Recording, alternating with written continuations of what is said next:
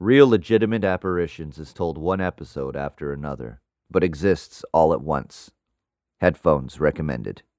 Episode 10 starts now. This episode contains descriptions of suicide. Listener discretion advised. Dylan, I'm so sorry to tell you this. Your mother's passed away. I drove up. 3515 Southgate Road is located in the South Keys neighborhood of Ottawa, Ontario. The house where I grew up. Kate had given me the keys. Welcome home, said the man. I've closed all the circles. No, you haven't. I haven't? Dylan, Dylan, Dylan. You've barely even begun. The following was recorded between December 2016 and September 2019.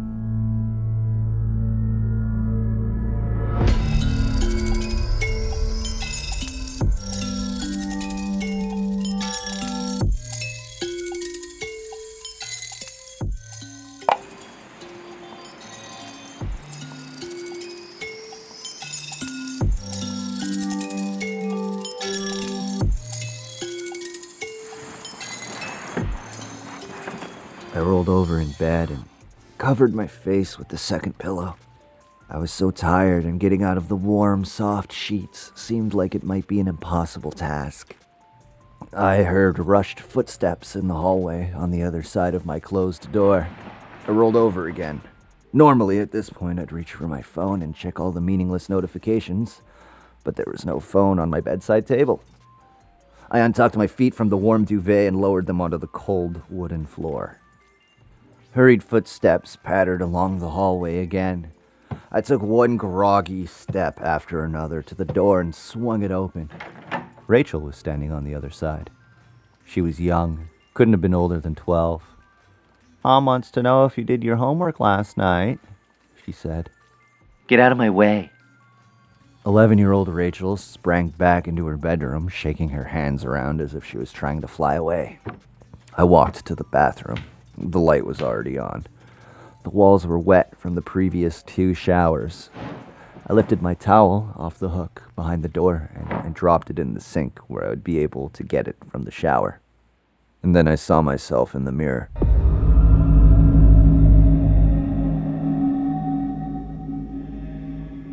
It was hard to avoid seeing the dark bathroom wall behind me, the older me with sunken eyes and scraggly facial hair. But with each movement, it was getting easier. It helped when the earlier present was bright, loud, and intense. After getting dressed, I slunk into the kitchen. Mom was in here. Her back was to me, filling three lunch bags two for Rachel and I at school, and one for her at work. The kitchen table was covered in stacks of books and paper and different pens. The fridge was covered in magnets, kids' sketches, and calendars. A big yellow radio was on the countertop playing a morning talk show in the background. It almost drowned out the music. Mom turned around. Hi, she said. Muffins are on the counter, bread and peanut butter are by the toaster. No toaster strudel? Your sister had the last one. Oh my god. Do you finish your homework? She asked as she put a muffin into my lunch bag. I know you have that literary response due today. I was staring at the table in silence. I must have been thinking, but I don't know what about. Maybe toaster strudels. Dylan! Mom paused and stared at me, not letting me avoid the question. What? I was sure I'd heard her. Why was I pretending? But she played along. Did you finish your literary response? Oh, yeah, of course, obviously. Good, she said as she went back to packing my lunch. I crossed to the toaster, dropped in a plain slice of bread. I don't even want this, I told her over my shoulder. It was tricky to align my current thoughts with the ones I had originally had. Well, then have a banana, said my mom, and then she called out, Rachel, you're gonna be late. Rachel bounded back into the room. Mom, Mom, Mom, she said, and I turned my back to watch my toast brown. Sarah at school said that in grade 9 they're allowed to leave class and go to the cafeteria if they're hungry. I must have something to say about that. At this point, I'd already been in grade 9 and I knew teachers didn't let you go to the cafeteria. Why don't you ask your brother and put on your coat? said Mom as she zipped Rachel's lunchbox into her bag. So Rachel rounded on me. Dylan, she said, is it true that if you're in grade 9, you get to go to the cafeteria if you're hungry? Obviously not. I guess the go to rule for being 17 is to be rude to everyone about everything. Dylan, Mom scolded. She's just asking you a question. She switched her focus. Rachel, the bus is going to be there in two minutes. Rachel sprang into the air again. I can't wait to go to the cafeteria in grade 9 whenever I want. I picked up the peanut butter knife off the plate, jabbed the toast, and used it to flick the toast onto the plate. Like a boss. Do you have your agenda? Mom asked Rachel as I spread peanut butter on my toast. Yes, said Rachel. Do you have your workbook? Yes. Do you have your gym shorts?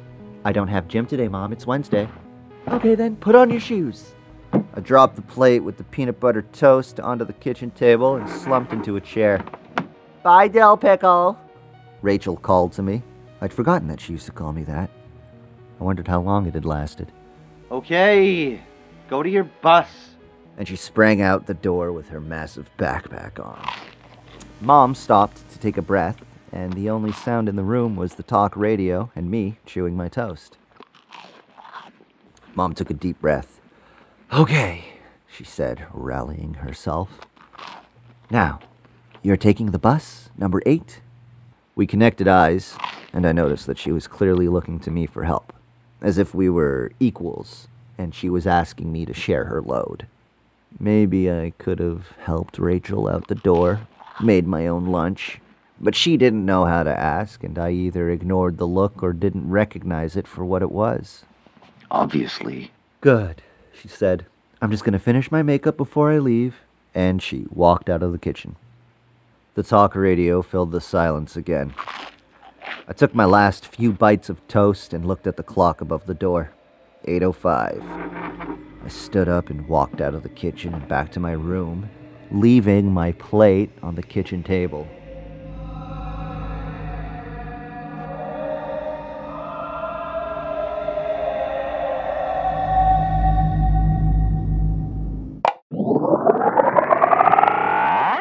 I have a dream last night. Everything is dark, black. There's nothing but Absolute space. out of the nothingness is twisting two snakes, each of them with three heads. They are red and gold and green and every color at once. Twelve eyes are blinking at me. They are telling me their names. Kronos, one is saying. Ananke, says another. The two snakes are twisting, rotating over and around and among themselves. They are endlessly long, and yet I am seeing all of their length. They are encircling me as they breathe in and out. Their eyes are black and white and red and gold. Their scales are every color at once. I am surrounded. They're twisting closer and tighter. Beneath me is an egg. It's large and round in every color all at once. The serpents are closing their endless length around the egg, and the egg cracks open. Music is pouring out of the egg, the same endless music. And that's not all. Everything is pouring out of the egg earth, and wind, and fire, and air, and hopes, and dreams, and energy, and spirit. Tubman exists, Rosa Parks, Martin Luther King, William Shakespeare, your mother and father, your future grandchildren. It means your past exists, your best memory, and your worst. And your future self exists, doing what you always have, and always will, and always are doing. It is all pouring out of the egg. The snakes are rotating, and because they're rotating, everything else begins rotating as well. And as everything is rotating, everything is falling into place. Everything is coming into its form. Everything is happening. As the serpent Ananke rotates, one of their heads looks towards me. They say, years ago when I was here with your dad. He is very emotional. He's here, right now, just as much as we are. He's standing right there. I'll be here with you I'll be here with you every step of the way. I'm telling the snake, you're not here. And the snake is turning back to its business of rotating around the universe, keeping everything in its place.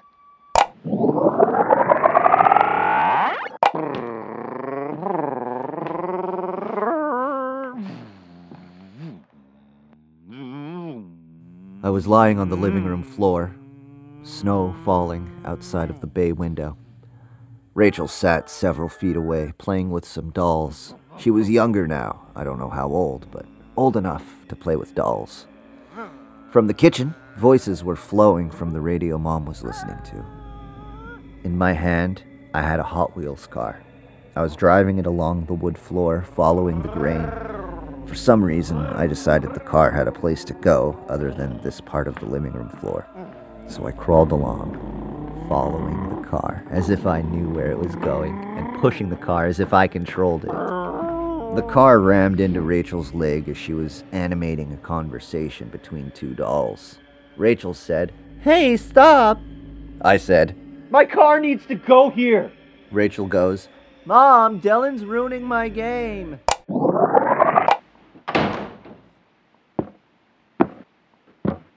I was standing in the entranceway after just coming in from a warm summer evening. Music was pouring through the house, reverberating off the walls and making them buzz. Not only my music, the constant music, other new music. Some pop music with punchy drums and a high pitched male voice. I guess it was like emo pop rock or something. I kicked off my shoes and walked into the hall. In the living room, three preteen girls were dancing. Then Mom popped her head out of the kitchen. She was pleased to see me. Hey, she said. What's going on? I asked her. Well, it's Friday night and I said she could have some friends over. I rolled my eyes and walked into the living room. Hey, The girls immediately stopped dancing. that's kinda loud. Rachel rolled her eyes the way I'd just done and crossed to her MP3 player that was plugged into the yellow radio with an aux cord. Too loud for you, maybe. She clicked the button a couple of times to lower the volume and nodded her head in the direction of the other girl. This is Jessica. Hey, Jessica. Hi, said Jessica. What are you guys uh, doing? Rachel pursed her lips the way Mom did and said, as if I was a total numbskull, dancing. And then she tilted her head the other way and with a smile said, Do you want to play Mario Kart with us later?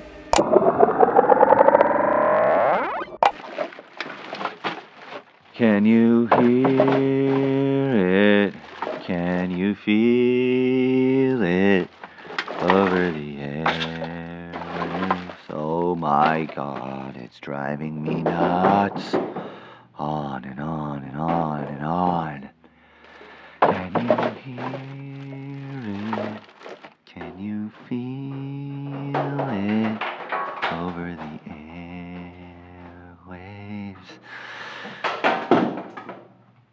Dad? What do you have to say? A football only travels through the air because it was kicked No, with a certain force. no, no, no. Never, and I mean never, let them take you alive. So build. You, you have to build. Make it all possible. Complete the circles. Focus. If it's not possible, it can't happen. Faith, I guess. Wait. Hold up. Dylan! Yeah. You remember that yellow radio? Yeah? Where did it go? I think you just figured it out. Yeah? You might have. I'll never tell. I know you won't, you sly devil, you motherfucker! You remember that yellow radio? Yeah. Where'd it go? It might be in the basement. You may be right about that. I was on the floor of Rachel's room. In my right hand, I had a figurine of Spider Man. He had his arm up in the air in a powerful fist. In my left hand, I had a small plush Miss Piggy. I twisted my right wrist forward and back, making Spider Man lurch back and forth. Spider Man said, I jump, I swim, I fly. And then I twist my left wrist, and Miss Piggy responds. I do those things too, and I have babies. I heard a noise from the hall. I looked up, and my dad was standing in the doorway of Rachel's room. My room now. Rachel wasn't here yet. Dad, do you think Miss Piggy can fly? Dad was looking down at me, his eyes kind of unfocused, as if he was looking in front of me and behind me, but not at me. Dad, And my dad spoke. Miss Piggy? he asked. Does Miss Piggy think she could fly? yes, she does, but I don't know because she's a pig. Well, I'm sure if Miss Piggy says she can fly, you might as well believe her. And for that moment, Dad looked right at me, into me, as if he was eating up my soul and drinking it in. He's present there with me. All of a sudden, I dropped my two figurines to the floor and brought my hands up to cover my eyes. The music is so loud. Dad's face fell with disappointment and concern. Dylan, he said, there is no music.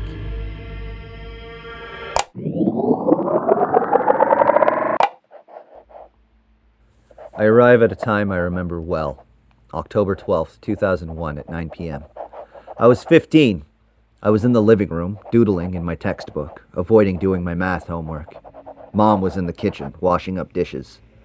The song danced gently in my ears. I had learned to tune it out. Mom's voice carried into the living room over the people talking on her yellow radio. Dylan, can you take out the garbage? Sure. I continued to doodle a little hot air balloon floating above a parabolic graph. After a moment, Mom's voice floated back in. Can you do it now, please? I dropped my pencil, slowly got up, and shuffled into the kitchen. Sure. Thanks, honey, she said as I unwrapped the white plastic garbage bag from the metal circle that held it open. I shook all the banana peels, granola bar wrappers, and crumpled tinfoil deeper into the bag and twisted the upper portion into a knot. I shuffled my way back into the living room towards the sliding door. At its foot was a little mat with my mom's flip flops neatly aligned with the toes against the sill of the door. I stuffed my large feet into their small blue straps, straining the fabric. My heel hung well over the back of the sole. I pulled open the sliding door. There was a light rain that hadn't let up all day. As it was 9 p.m. in October, it was dark out. The backyard extended a hundred feet to a fence where there were thick bushes and a low tree that Mom had tried to hang a swing from years ago. I took a step in my mom's flip flops onto the wet porch and slid the door closed behind me. The garbage bin sat at the end of a short stone path about 30 feet away. I took another couple of awkward strides towards the three steps down to the overgrown lawn and path below. As I did, I looked out to the bushes along the back fence.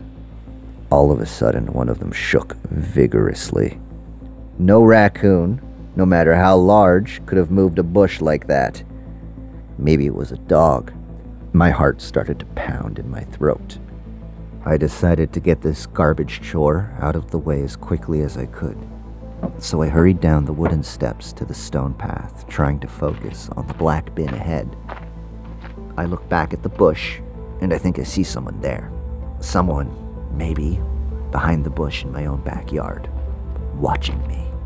And then with each step, I began to feel hot, as if in my chest was a burning ember. My skin prickled with the heat. I looked towards the garbage bins, and they seemed further away. In fact, so did the ground and Mom's blue flip flops. And then a smell started to fill my nostrils blood from the nosebleeds I used to have as a child. And then I wondered what was going on. Why was I so scared? Why was my skin prickling as if it was melting from heat? Why was the world sliding sideways? Why was the stone path hurtling towards my face? Why was the ever present song blasting in my ears louder than ever? Of course, visiting a seizure triggers a seizure. After laying in the mud for about 20 minutes, Mom came out looking for me. She knelt over me, saying my name over and over again as she wiped mud out of my eyes. I wanted to tell her that I was fine, that I was okay, but my mouth still isn't working, and I didn't know whether it was open or closed as I grunted at her. My limbs felt like they weighed a ton, and although I was still confused and disoriented, I was crystal clear on the fact that my life was never going to be the same again. You remember that yellow radio? Yeah. Where'd it go? It might be in the basement. You may be right about that. The basement is dark. The low ceilings are made up of bare wood that hold up the floor above. Cobwebs hang between every other beam. One obvious question we must ask is what effects, if any exist, might be brought to a time that we're visiting? Cardboard boxes are down here, To illustrate the question clearly and perhaps gruesomely, board games, imagine I'm standing on the corner of a street in 2010. This is position A. a box of Christmas wrapping paper and ribbons, a loose bunch of thick rope. While standing on this corner, I have a movement to the last time I was standing on this corner, position B. Everything is on metal shelves a few inches above the cement floor in case of a flood. where I was enjoying a nice ice cream cone in 2008. Beside a box labeled photo albums is the old dusty yellow boombox radio. Imagine as I stand on the street in 2010 reenacting eating the ice cream from 2008. I crossed the basement, my head ducked and back hunched to avoid the spiders. I am hit by a truck and struck dead. I pick up the radio. It's heavy. And I wonder why such a simple piece of technology needed to have so much weight. Could this have any effect on the original me eating my ice cream in 2008? I tilt the face of the machine into the dim light coming from a bare bulb hanging from the ceiling. After all, two segments of consciousness are inhabiting the ice cream event simultaneously, and one of them is brutally killed. There's a volume knob, a digital display, Would this not at all affect the first segment of consciousness as he eats his ice cream?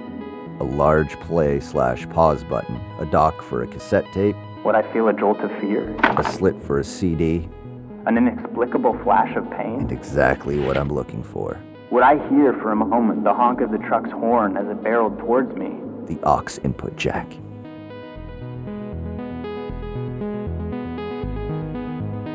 Upstairs in the living room is a cupboard, and behind one of the doors is a jumble of wires and plugs. I dig through the mass of cables until I find the small auxiliary cord. Each end of the cord is identical 3.5 millimeter auxiliary audio input and output. We sold them at the Source Tech store where I work at, we used to work at, will work at. I go into the garage. In the trunk of my car are the bags of Haunt Force materials. Our EMFs and ATMs and DARTs EVPs and my compass. An attempt to reach out and contact your ghost or spirit or energy force. Hence, haunt force.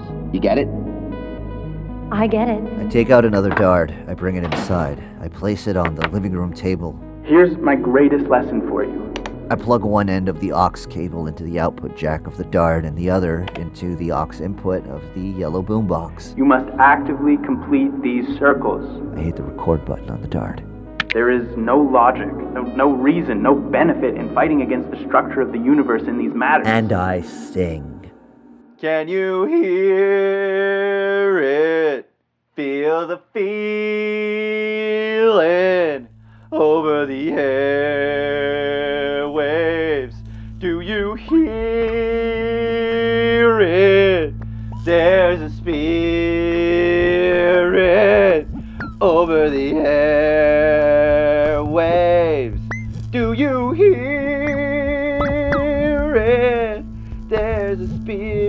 A spirit there.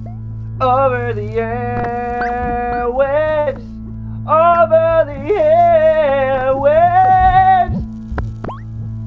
I stop the recording and then I turn on the yellow boombox. It awakens for the first time in a decade. I hit the aux input button and the simple display switches to show the letters A U X. I press the playback button on the dart. Can you hear it? Feel the feeling. The music finally flows through the empty, dark rooms as it always was supposed to, always had, always will. I hit the loop button on the dart so that it would play again and again and again. I close my eyes, excite my mind, and aim backwards.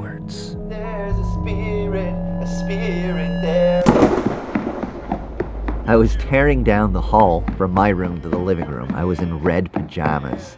Behind me were the sounds of another boy chasing me, screaming with laughter.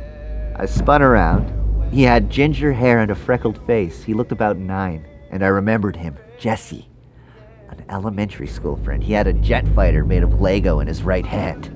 No, no, no, no, no, no, no, no, no, no, no, no, no. But Jesse switched from laughing to making an intimidating alarm noise as the jet fighter came closer and closer. I spun back around and continued my desperate charge for the living room, where I collapsed on the couch.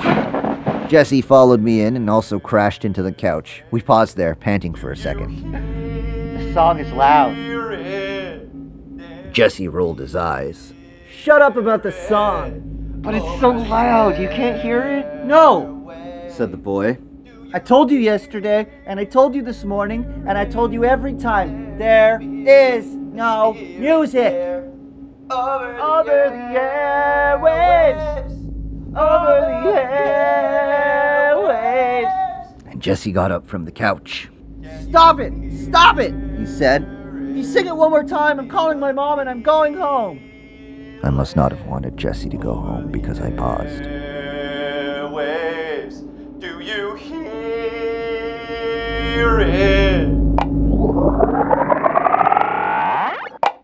I was sitting at the dinner table. Rachel was across from me and was eating her peas with a large metal fork that she was having difficulty maneuvering. She looked around six. My mom was on my right. She had a little black book open on the table where she kept her daily schedule and reminders. I stabbed at some of the green peas on my plate over and over, seeing how many I could skewer on each prong. I looked back up at Rachel, who immediately began copying me. Mom looked up from her book and at my plate. She started speaking, and although I could see her mouth moving, I couldn't hear what she was saying over the pounding, unending music. After she finished her sentence, she waited for me to respond with one eyebrow raised. Instead of asking her to repeat what she had said or saying that I couldn't hear her, I nodded and put down my fork. And the music just kept going. I was standing in the doorway to Rachel's room. She was on the floor coloring with crayons, and I belted out to her. Can you hear it? Immediately, Rachel started screaming, Stop! Dylan! but I didn't let up. Feel it! Over the airwaves! Rachel screamed, Mom, he's doing it again! and Mom yelled back from the living room. Dylan, if I hear you singing that again, I swear to God! Over the air. There's a speed. Mom and Rachel and I were seated around the kitchen table again, but earlier now. Rachel was in a high chair with applesauce all down her chin. Mom sat beside her. She had a little red baby spoon in her right hand and an adult metal fork in her left. In front of me was a big piece of baked from frozen fish and a side of broccoli.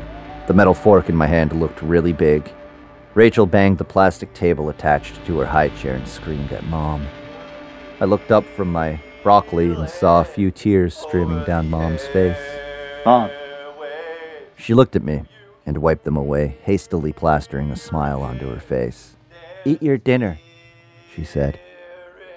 I was in the backyard on a beautiful summer's day. Rachel was running through the grass as fast as she could.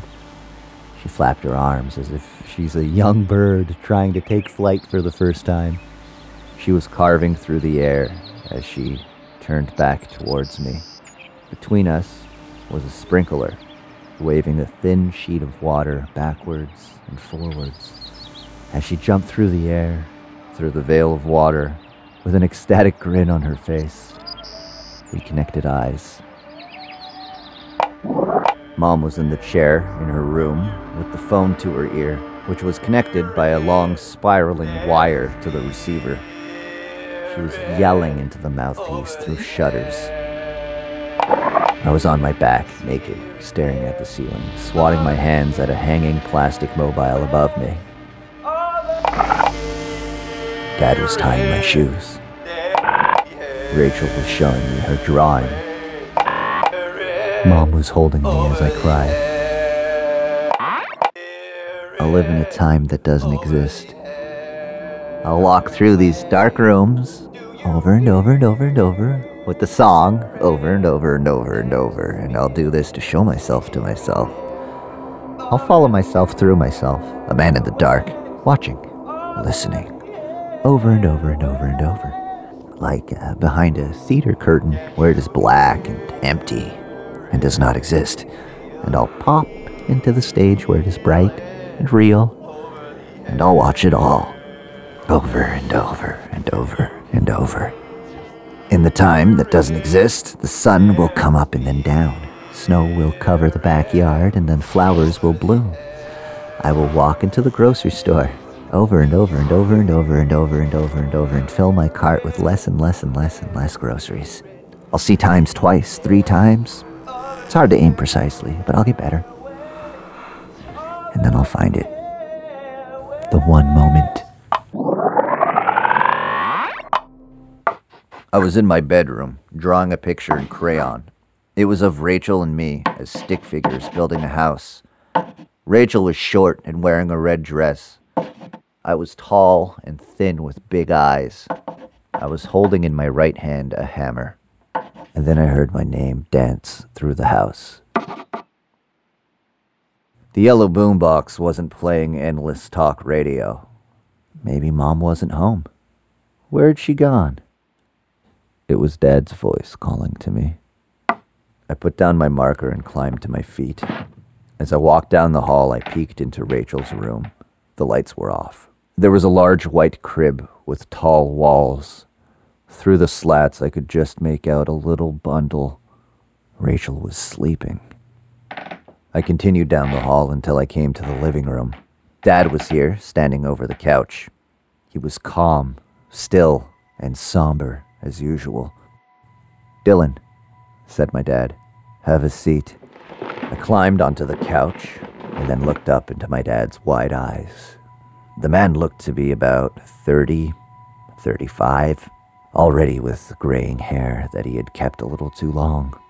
He had thick eyebrows that had a dozen or so long, out of control hairs.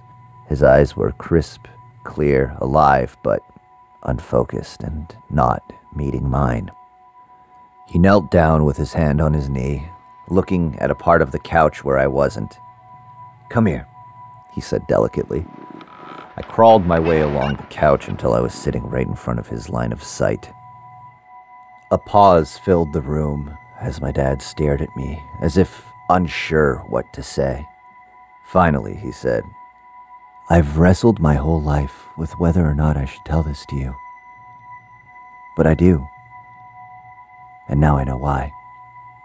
What I'm saying to you, Dylan, isn't for you to hear right now, but for you to hear in the future. He peered into the eyes of my seven year old self as if looking for something. I hope you're in there, Dylan. I hope you've made it back. I wanted to say hello. I've missed you so much. I've wanted to visit your every moment in this house, but it just hasn't been possible. If this is what I think it is, it is both the beginning and the end of your journey. And in some ways, it's the same for me. Have you found the box under the shed?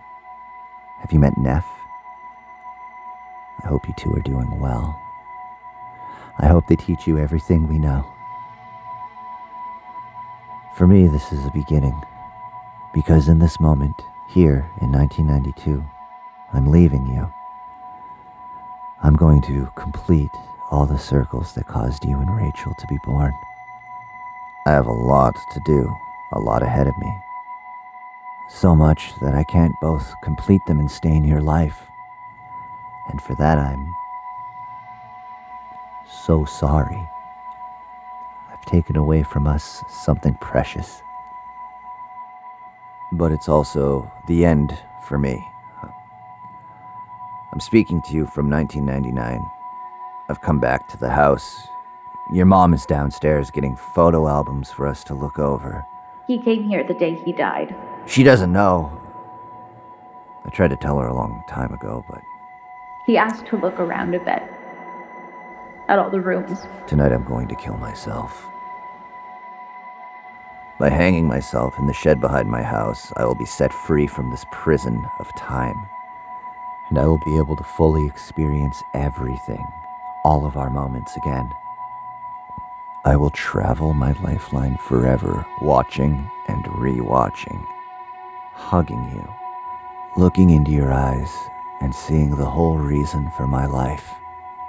I will be here with you in this moment and every moment for all eternity. I love you, Dylan. The pause filled the little living room, pressing against the walls. My dad was staring into my eyes, smiling. His bright eyes were welling with tears, and then they overflowed, and pathways of reflection carved along his cheeks. I want you to meet me back here, okay? In this moment, I'll be here. An infinite number of me, all of me, will be in each of our shared moments. And I want to know that you will be too. We need a beacon, he said. Something that you'll remember, something that will. And he gazed around the room. Bring you back here. He surveyed the shelves behind me, the cabinet with the wires, the high ceiling with the exposed beams holding up the roof, looking for something. And then he got up and walked to the light switch. He asked if there were any photo albums. I went down to the basement to get some, and when I came back, He turned the living room lights off and on and off and on. I heard he had been muttering to himself, and Then he came back to the table, looked at me, and clapped his hands in a random quick sequence a few times in a row, creating a pattern. clapping and, and flicking the lights on and off. It, it was sad. A look of disappointment crossed his face, and he said, I don't remember. I had no idea what he was trying to do. He looked as if he was trying to figure out a way to shock me or make me pay even more attention than I already was. And then he turned around and took a few steps to our old television that sat on the cabinet. He clicked the power button. The image on the screen sprang to life. A car commercial was just ending with large white prices laid over the image of a very 80s looking car. The commercial ended, and the screen took on a dark gray hue for a second. And then out of the darkness grew a light blue line. It danced across the screen as the gray background turned to a dark blue. And this song came out of the speakers of the television.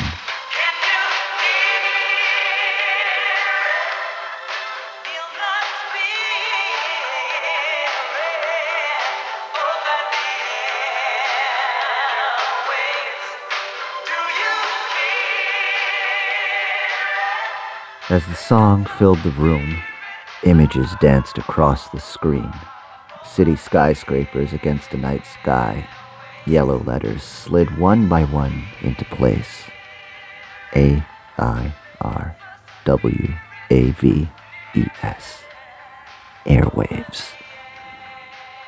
Actors' faces appeared one by one on the screen with more yellow letters spelling their names below.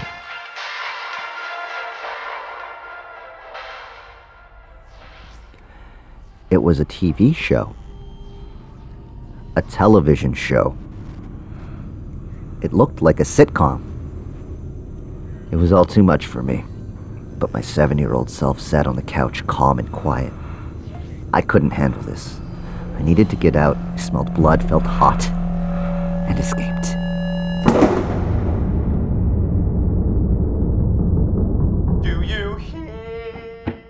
When I could walk again, I stumbled through the dark, messy house to the kitchen where my phone lay on the table.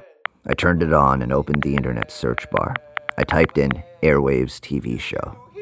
Airwaves is a Canadian television dramedy series which aired on CBC television in 1986 and 1987. CBC subsequently reran the first two seasons outside of primetime in 1990. My dad's voice rang in my head. By hanging myself in the shed behind my house, I will be set free from this prison of time. And I will be able to fully experience everything, all of our moments again. I climb down the dark, steep, narrow staircase into the basement. I hunch my way under the floorboards above my head until I come to the loose bunch of thick rope on the metal shelving unit that keeps it off the ground in case of a flood. I drag the rope back up the stairs. In the living room, I fling one end of the rope over one of the exposed beams in the ceiling that hold up the roof. I pull that end back down and then tie it around the handle of the sliding door that leads to the back porch. I open my phone again and Google search how to tie a hanger's noose. I carefully and slowly follow the directions. I drag a chair to its position under the hanging noose. I stand on the chair. As I stand there, I look down at the two darts on the living room floor. One is connected into the yellow boom box, which is still blasting me singing the Airwaves theme song. The other is still recording, is always recording, has always recorded, will always record since Haunt Force began all those years ago. And I wonder if anyone will ever listen to it. I think about all the moments that I'm going to get to experience again. And even if it's not really me, not really with the memories I have now, even better. I put the noose around my neck and tighten it. I prepare to kick the chair out from underneath me, and I'm reminded of my first purposeful movement. And Neff's voice fills my mind. You've tried your whole life to avoid seizures, so just let it happen. Focus your consciousness. I'll be here with you. Say the words. And I prepare for my biggest movement yet.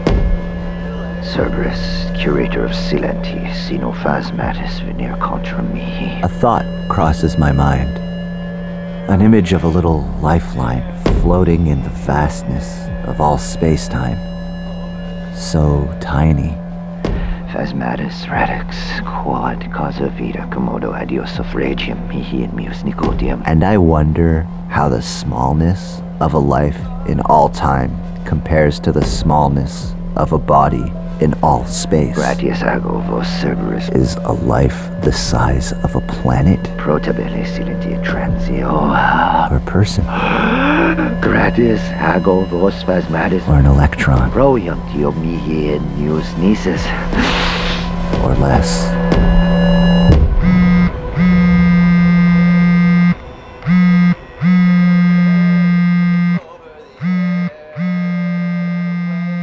Then my phone rings.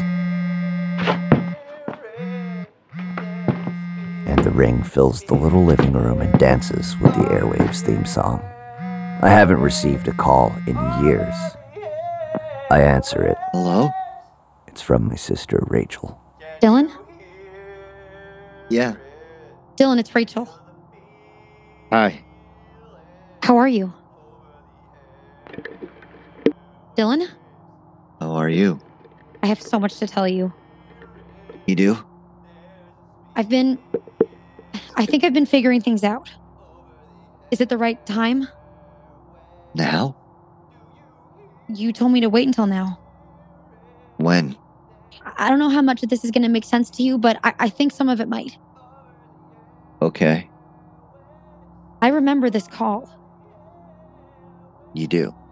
Yes. Dylan, do you remember when I came to Toronto and we went to that house with the bathtub and you fell in? Yeah, I do. And after that, you dropped me off downtown to meet a friend. I remember. The friend I met was from online. We had a lot in common, and when they heard I was coming to Toronto, they wanted to meet up for coffee. They? Yeah, their name was Neff. This is so weird. I remember saying what I'm saying now. You met Neff.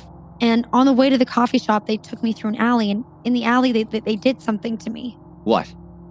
They had this like black machine that kind of electrocuted me. I have this.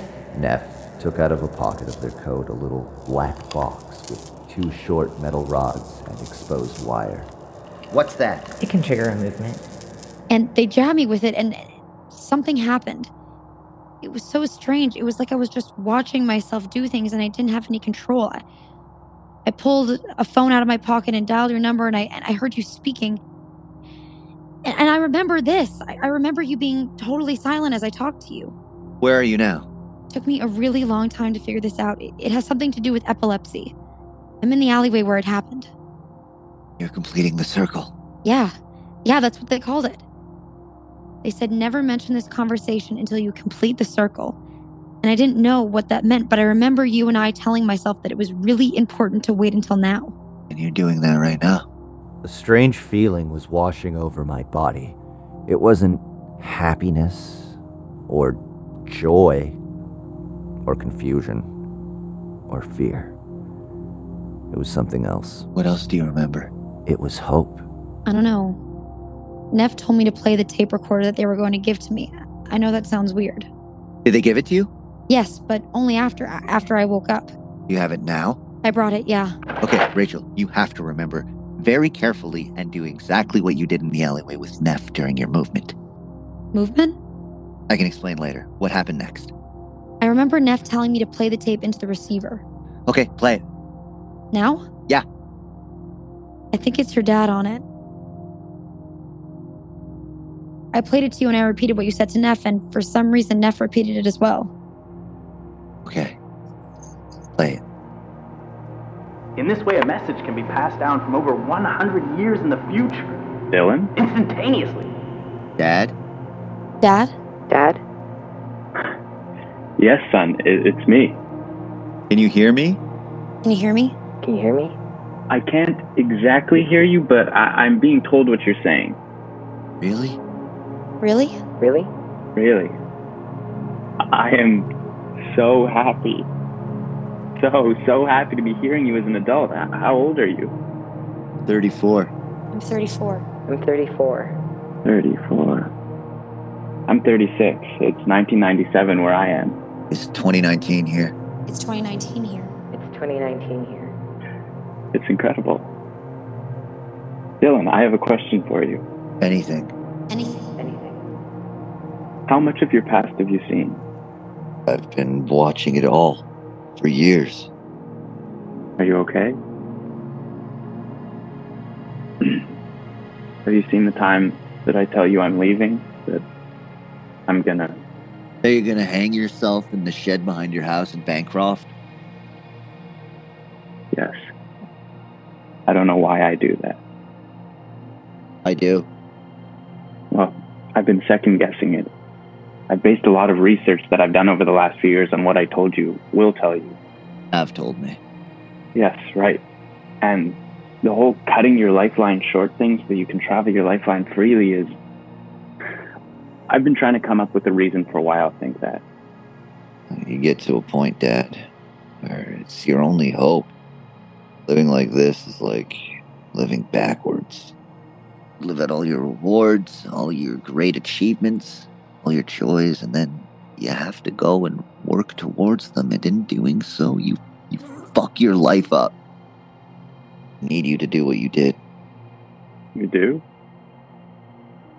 I found your box. I heard everything you had to go through just to make it possible. I know. No, I've already been through some stuff. But I'm worried. I, I don't know where you are or, or what's going on, I'm worried that I give you the wrong impression. Where are you now? I'm at home. At our house? Yes. What are you doing? I've been watching myself and you, Mom and Rachel. I haven't seen the three of you in years now. I can't get back into the house. I don't want you to do anything to cut yourself short. You don't want me to kill myself like you did? Even if that theory is true, it doesn't mean that there's any reason to do it early.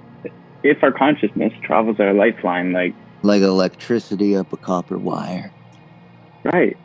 Oh, yeah, yeah, like, like that. And if it's true that we can travel our lifeline again and again and again as witnesses, as if in a movement, then there's absolutely no reason to cut our lifeline short. What if you know that all you can do with the rest of your life is go through movements to the past because you're afraid that you won't exist at any point in the future? You might as well try to break free of the prison. It's not a prison, Dylan. That's life. Now, you said we'll say it is. I'm sorry. I'm wrong. It doesn't make sense. You can't believe some old sad man in the future is losing it. And whatever's going on with you, I know that there's no reason for you to only travel back. You have Rachel, apparently. I have Rachel. I hope the two of you are working together. Maybe we will. Thank you, Dad, for, for making it all possible. Well, I have a lot of work ahead of me. Is there anything you can tell me about the future that I haven't already seen? Don't forget to turn on the TV when you talk to me for the last time. Yes, I remember that. Invest in Amazon, Apple, and Google. I'm going to need an inheritance. Good to know. Okay, I- I'm worried about Neff and Rachel. Yeah, they've been going on for a while now. Yeah, they've been going for a while now. Yeah, they've been going for a while now. I love you, Dylan. I'll uh, see you on the next pass. I'll see you on the next pass. I'll see you on the next pass. The tape just ended. That was totally fucked. Your dad on the tapes was responding to what you were saying. Rachel, what else do you remember? We said when I should come back here. When did you call me? What's the date? It's like we said, September 30th, 2019 at 2 a.m. Okay, so call me then in the alley. I am. This is for your past self to hear. Oh, 2016 Rachel. It is very important that you call me in this alleyway on September 30th, 2019 at 2 a.m. Say it. okay. Past Rachel, September 30th, 2019 at 2 a.m. Rachel, you have a lot to do before you can tell me about what happened. I went through a lot. Don't tell me about anything before Tom dies. Oh, I get that now. But you could call me a couple minutes earlier. Really? But you don't anyway. Thank you, Rachel. I'm so proud of you. What else do you remember? I, I think after that I fell down and I woke up confused and, and in pain. Neff helped me into some room they had set up for me. That's it? That was it, yeah. But there's a lot more I need to tell you. I drove down to Toronto to see Rachel. She was staying in a hotel. I'd left to get her so quickly and with so much hope and faith that I didn't shave or properly wash my clothes.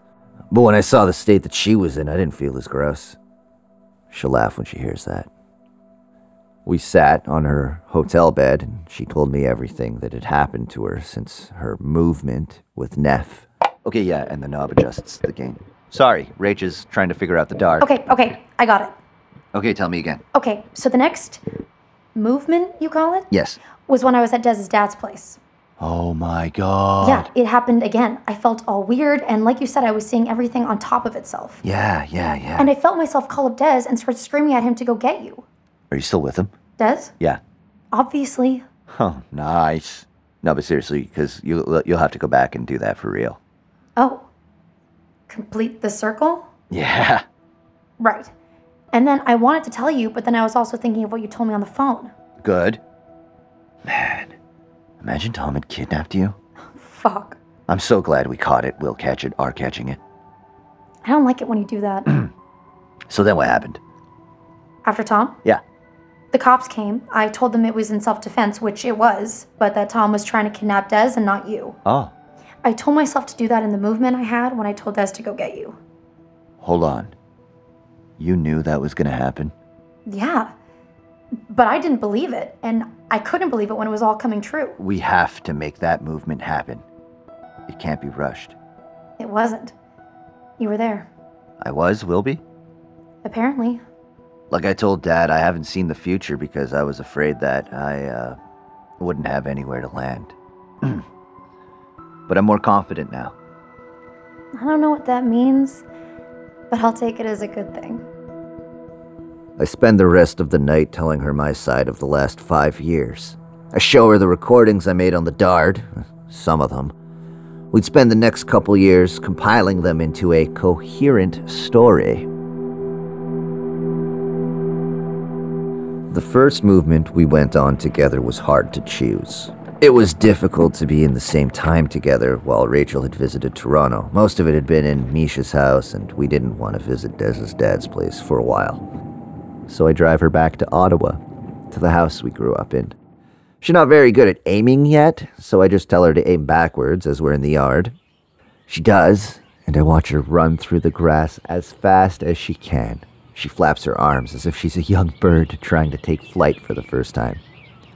I know exactly where she is. So I join her. The following was recorded on April 11th, 2020. But don't get me wrong. We're not spending all our time looking back, you know. We're going forward and we're trying to lead a great life. A life that's actually worth living over and over again, if that's what our fate is maybe everyone's fate. Maybe this is just your first trip along your lifeline, and you're going to live it again and again for a very long time. And maybe the universe isn't totally predetermined. Maybe you do have a choice. The choice to make your life as relivable, is that a word? As relivable as possible. And also, uh, Rachel and I are trying to find other people who are like us. That's why we've released this thing as a podcast. If you've listened to this and you feel like you've experienced a movement before, reach out to us. The ways to do that are in the description of this podcast. And even if you haven't, we would love to hear from you. Together, we can make amazing things happen.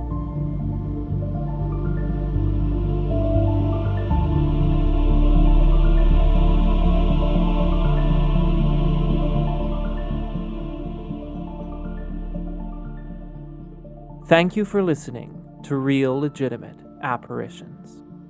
You listening right now is the reason behind the hundreds of hours that were put into making the past 10 episodes happen. If you enjoyed the show, tell someone about it. It's one of the most effective ways to grow our audience, and we'd really appreciate it. If you'd like, you can follow RLA on social media with at RLA Series. Links down below. Also, consider making a donation at patreon.com slash RLA series. All the proceeds are divided among myself and the performers, and bonus content and perks are on offer as well. Speaking of, I'd like to thank our incredible patrons Marco Santiago, Kate Henderson, Cassandra, and Kip Dreyfus. Thank you for your support.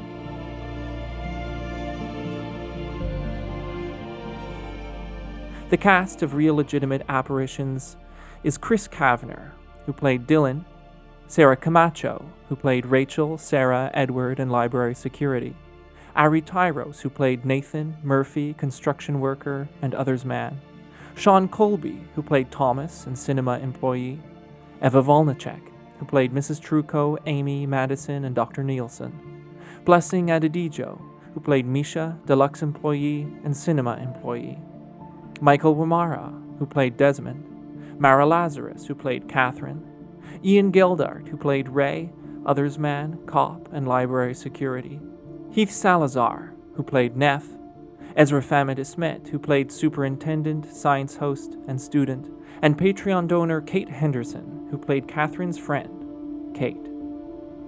Special thanks to Savannah, Michael, and Mariana.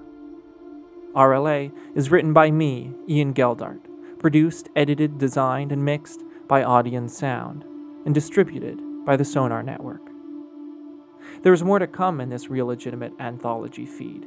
Stay subscribed to hear our next production, and I think there's going to be a preview of another Sonar show coming into our feed in the next couple of weeks. Thanks again for listening. Stay in touch. Okay.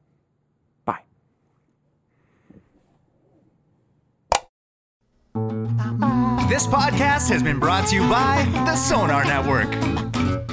Sonar!